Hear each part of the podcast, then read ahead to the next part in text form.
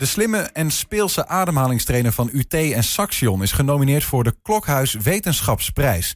De trainer is een eh, soort vestje met bijbehorend computerspel dat reageert op de manier van ademhalen, bedoeld voor kinderen die daar moeite mee hebben. Met het kledingstuk wordt het thuis oefenen na bezoek aan een fysiotherapeut een stuk minder saai. Nou, Helen is alweer een nieuwe aan het maken die nog uh, mooier wordt. Nog Want mooier. deze is ook alweer een beetje door het vele werk eraan. Gaat hij alweer beetje... Dat is wel, ja, Ja. dat is wel een goede plek, want daar kan je makkelijk zelf Ja. bij. Kun je daarbij? Ja. Ja. ja. Ja, dat En is het ook is wel- goed dat ze ook anders voelen. Ja. Je kijkt naar een eh, vestje en dat vestje is een ademhalingstrainer. Doen we hier de touwtjes vast. Er zitten twee sensoren in. Er zit een sensor hier op de borst en een sensor hier op de buik. En die kunnen samen meten hoe een kind ademhaalt. Eh, en eh, het vestje is bedoeld zodat kinderen thuis hun ademhaling beter kunnen gaan oefenen op een leuke manier. Dus wat het vestje ook doet, is feedback geven. Er komt een, een trilling hier op de buik als de ademhaling niet helemaal goed gaat.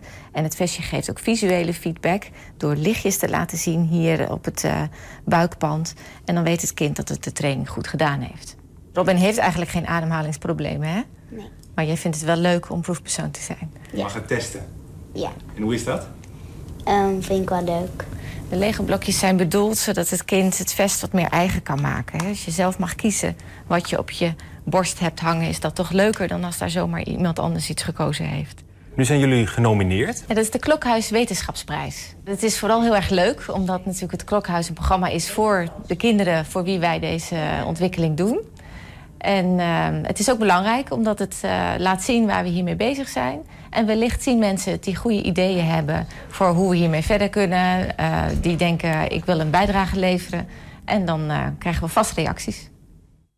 Ja, je zag eh, UT-professor Geke Ludden en ook Saxion-onderzoeker en ontwerper van het vest Helen van Rees. In de studio praten we nog even verder. Welkom beiden. Dankjewel. Allereerst gefeliciteerd met de nominatie. Dank. Ja. Ja, lijkt, me, lijkt me superleuk, fantastisch ja. om te krijgen. Eén ding eh, wat ik wel heb aangekondigd, maar ik nog niet in de video heb gezien. Daar ben ik wel benieuwd naar. Er zit ook een eh, computerspel bij, Geke. Ja, dat klopt. Het, eh, het computerspel, of de app eigenlijk, die bij het vest hoort, hebben we gemaakt om eigenlijk de motivatie nog wat sterker te maken. Dus de ademhalingstrainer zelf, het vest zelf, motiveert Mhm. het kind al door feedback te geven. Ja? En dat zag je in de video met de lampjes, hè? Dat, dat je na de oefening ook ziet hoe goed je het hebt gedaan. Wat eh, het kind kan doen met de app, is de lampjes eigenlijk als brandstof ophalen om te gebruiken in een spel. En dat spel is dan een, eh, een spelletje waarin je een raket door een ruimte kan laten We zien vliegen. hem hier eh, op het scherm op dit moment. Ja, Een, ziet eruit als, als een mooi spel. Wat, wat, wat is de bedoeling in het spel? Nou de bedoeling is om de, de meteoren te ontwijken en, en de goede brandstofcelletjes te pakken.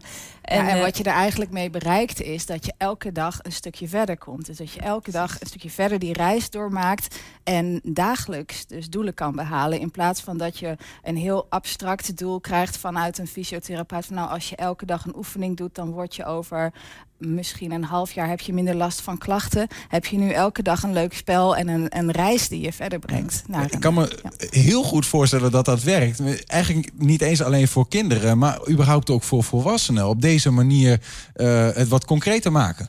Ja, nou, we kennen dit natuurlijk ook wel uit allerlei andere applicaties... Hè, die ook volwassenen gebruiken. En voor sommige mensen werkt het heel goed, voor anderen wat minder. Mhm. Dus je moet goed nadenken wie het gaat gebruiken. Nou, voor kinderen is het vrij helder dat ze dit leuk vinden. Dat blijkt ook uit eh, de evaluaties die we met ze hebben gedaan. Als je dit voor een andere doelgroep zou willen inzetten... wat niet onvoorstelbaar is, hè, want ouderen of volwassenen... kunnen ook ademhalingsproblemen hebben... dan moet je het weer in een andere vorm gieten. Ja, Maar ja. kan je nog steeds gebruik maken van iets wat blijft motiveren... en wat eh, haalbare doelen stelt. Ja, eigenlijk allerlei apps die je gebruikt met fitness en trainen. Ja. Wat al heel normaal is eigenlijk. Hè? Dat je ook elke keer ziet in getallen, in grafiekjes, eh, statistieken... dat je beter wordt en dat je steeds verder kan gaan. Dat is, werkt ook al heel motiverend. Ja, precies. Ja. Ehm, hoe is dit vest nou tot stand gekomen? Want uh, Geke, je, je hebt hem, eh, of sorry, Helen, je hebt hem eh, eh, je hebt ontworpen, maar niet in je eentje. Nee, nee, zeker niet. Uh, dus we hebben uh, niet alleen ons tweeën in ons team zitten, maar we werken ook samen met uh, artsen vanuit het MST en het ZGT. daarnaast is Angelica Mader vanuit de Human Media Interaction groep van de UT nog betrokken. en werken we ook samen met fysiotherapeuten om te kijken hoe we dit zo goed mogelijk kunnen ontwikkelen. Maar het allerbelangrijkste is natuurlijk de doelgroep voor wie we dit maken. Dat, mm -hmm. dat zijn de kinderen. Die hebben ook heel veel ideeën en gedachten van hoe zou zo'n vestje er misschien uit kunnen zien. En een hele eigen uh, belevingswereld die ik eigenlijk heb geprobeerd als ontwerper te, te vertalen naar dit vestje. En we hebben dat gedaan door ook samen met de kinderen een uh, ontwerpsessie te organiseren. En daar is Scheken ook heel erg betrokken in geweest. En zij hebben zich ook helemaal ingeleefd in hoe dat nou is om ademhalingsproblemen te hebben. En allerlei tekeningen en knippen en plaksels gemaakt van hoe zou zo'n vestje eruit zien dan. En, en, en daar is tot nu toe dit ontwerpen uitgekomen, zeg maar. Ja, ja, ja. klopt. Wer, werkt hij nou ook eigenlijk uh, waar hij voor bedoeld is? Want ja, hij, hij is nog niet breed op de markt. Nee, helaas. Dan zijn we nog niet zo ver. Uh, hij werkt, hè? dus we hebben uh, uh, een werkend prototype, zoals dat heet. Functioneel werkend prototype. Ook nog een prototype wat geëvalueerd is met een aantal kinderen uit de doelgroep. Mm -hmm. Maar die evaluatie richtte zich voornamelijk op van ja, meet het vestje nou wat het moet meten? Geeft het feedback op de manier zoals het hoort? Kan een kind dat ook begrijpen? Dus dat is eigenlijk een, uh, ja, een, een gebruiksevaluatie nog. En nog geen klinische evaluatie. En om dat te doen, moeten we echt nog een stap verder zijn. Een klinische evaluatie is een evaluatie in een ziekenhuis bijvoorbeeld. Hè? Ja. Of bij een fysiotherapeut in de praktijk met de echte patiënten. Wat, wat is dan de hoofdvraag voor, voor jullie in die, in die evaluatie nog? Van of het ook echt, um, of kinderen het ook echt leuk vinden Precies, om met het ja, ding te twee werken? dingen. Hè? Dus, dus uh, heeft het uiteindelijk, vinden kinderen het echt leuk? Super belangrijk. Kunnen ze het ook thuis echt doen? En gaan ze het ook doen? Dus, Mhm. dus werkt die motivatie ook zoals we hem bedacht hebben? En een andere hele belangrijke is natuurlijk, heeft dit nou effect op de therapie? Is de therapie met het vestje beter dan zonder? Ja. Want daar willen we natuurlijk naartoe. Ja, Ja. want dat is denk ik wel handig om even de, de huidige context te, te schetsen. Op dit moment gaan eh, de kinderen naar een fysiotherapeut... waarbij ze allerlei oefeningen, eh, inspanningsoefeningen te doen krijgen. En worden ze getraind in hoe ze zelf een ademhalingsoefening thuis kunnen doen. En dat is eigenlijk door een hand op de borst en een hand op de buik te doen... en dan rustig naar de hand op de buik toe te ademen. En dat eigenlijk dagelijks moeten herhalen. En dat is nou ja, eigenlijk een hele simpele oefening... maar die is ook niet heel erg spannend.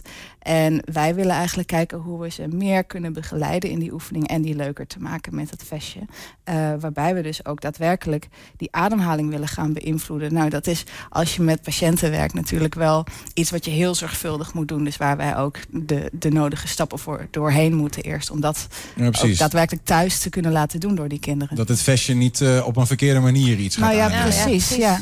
En, en er zijn natuurlijk ook hele de- heldere regels voor. Hè, voordat je zoiets eh, gaat inzetten, echt bij patiënten. En dat geldt voor elke technologie in de zorg die je ontwikkelt. Moet je aan hele strenge regels voldoen.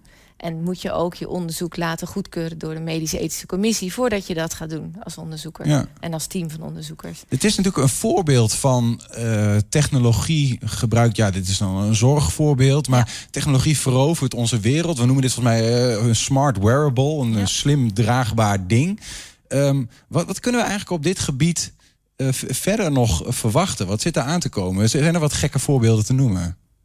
Ja, nou, ik denk dat in, in de zorg zijn al best wel veel voorbeelden. Hè. Dit, is, dit is een onderzoek wat nu de aandacht eh, trekt... met die nominatie voor de Klokhuis Wetenschapsprijs. Mhm. Maar er wordt heel veel onderzoek gedaan naar, naar smart wearables, zoals je zegt. Ook naar hoe je nog beter de sensoren en actuatoren, dus de elektronica, in dat vest kan verwerken. Misschien zelfs wel echt in het materiaal van het vest. Hè. Wij werken eigenlijk nog met een ja, redelijk traditioneel textiel. En daar proberen wij de elektronica zo goed mogelijk in te verwerken. Maar eigenlijk wil je dat dat gaat samensmelten. En daar zijn, eh, Ja, er zijn heel veel stappen in ja, gezet. ontwikkelingen in. En daar gaan we ook ons nog verder in ontwikkelen in de volgende versies van het prototype. Mhm. En eh, in de onderzoeksgroep waarin ik werk, hebben we allerlei verschillende projecten rondom smart wearables. Waarin we ook bijvoorbeeld zonnecellen integreren in textiel. Of allerlei sensoren. Of- waarvoor? Eh, de- ja, waarvoor? Eh, daar kan je bijvoorbeeld, eh, als je lange tijd zelfstandig op weg bent, zoals bijvoorbeeld, denk aan een wegwerker of een boswachter die in zijn eentje zich toch in best wel risicovolle situaties kan bevinden, dus wel altijd bereikbaar moet zijn. Mhm. En afhankelijk is van altijd batterij eh, power te hebben. Eh, daarmee kan je bijvoorbeeld met zonnecellen dat altijd in voorzien. Zonnecellen in kleding, eh, nog meer van gekkigheid. ja, je noemt het gekkigheid, maar het zit er allemaal wel echt aan te komen. Dus het meten van lichaamssignalen, dat is ook wat wij doen met de Breathing Trainer.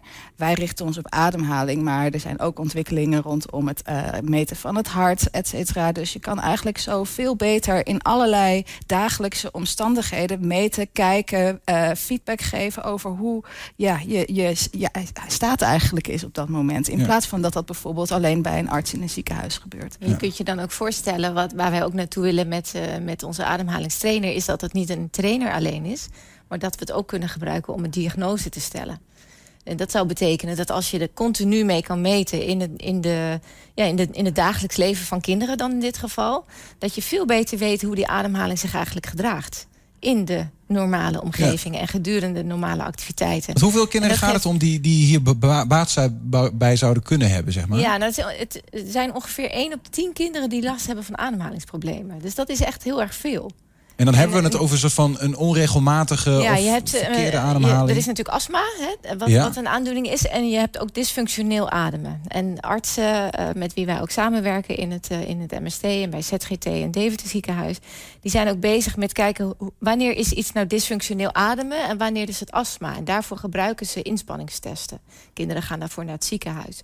Als je dat nou zou kunnen doen in de omgeving waarin kinderen zich gewoon elke dag bewegen, is dat voor het kind veel minder belastend en krijgt de arts ook veel beter de data. Ja. Nou, dat is dan een voorbeeld wat in deze specifieke zorgsituatie zit. Maar er zijn er natuurlijk veel meer.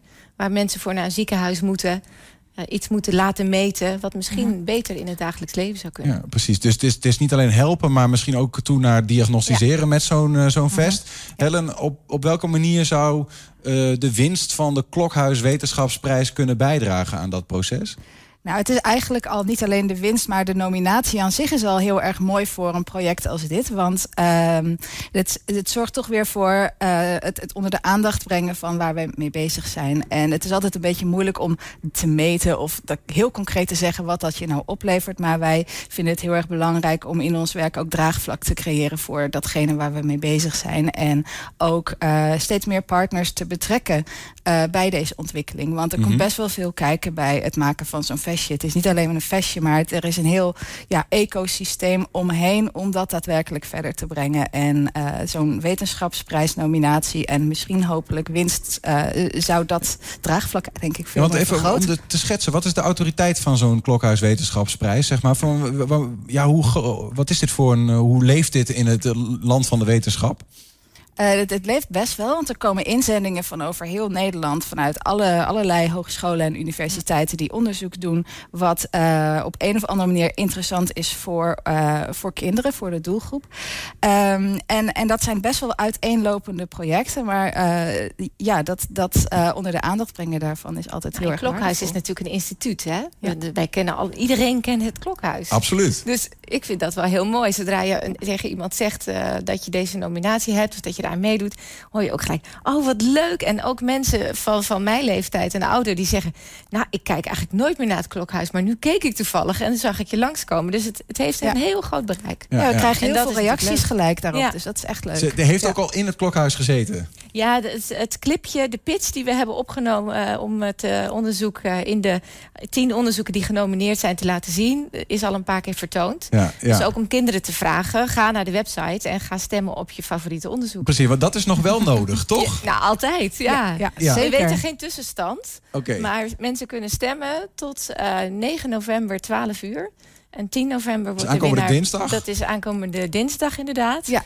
En eh, woensdag wordt dan de winnaar bekendgemaakt. Dus het is nog even spannend, ja. Ja. Het is nog even spannend, maar ga vooral stemmen. Zoek het even op. Klokhuis Wetenschapsprijs 2021. En stem op de slimme ademhalingstrainer. Eh, bij ons waren Geke Ludde en Helle van Rees. Dank jullie wel en eh, ontzettend veel succes dat jullie maar mogen winnen. Dankjewel. het jullie. Dankjewel. En de ademhalingstrainer.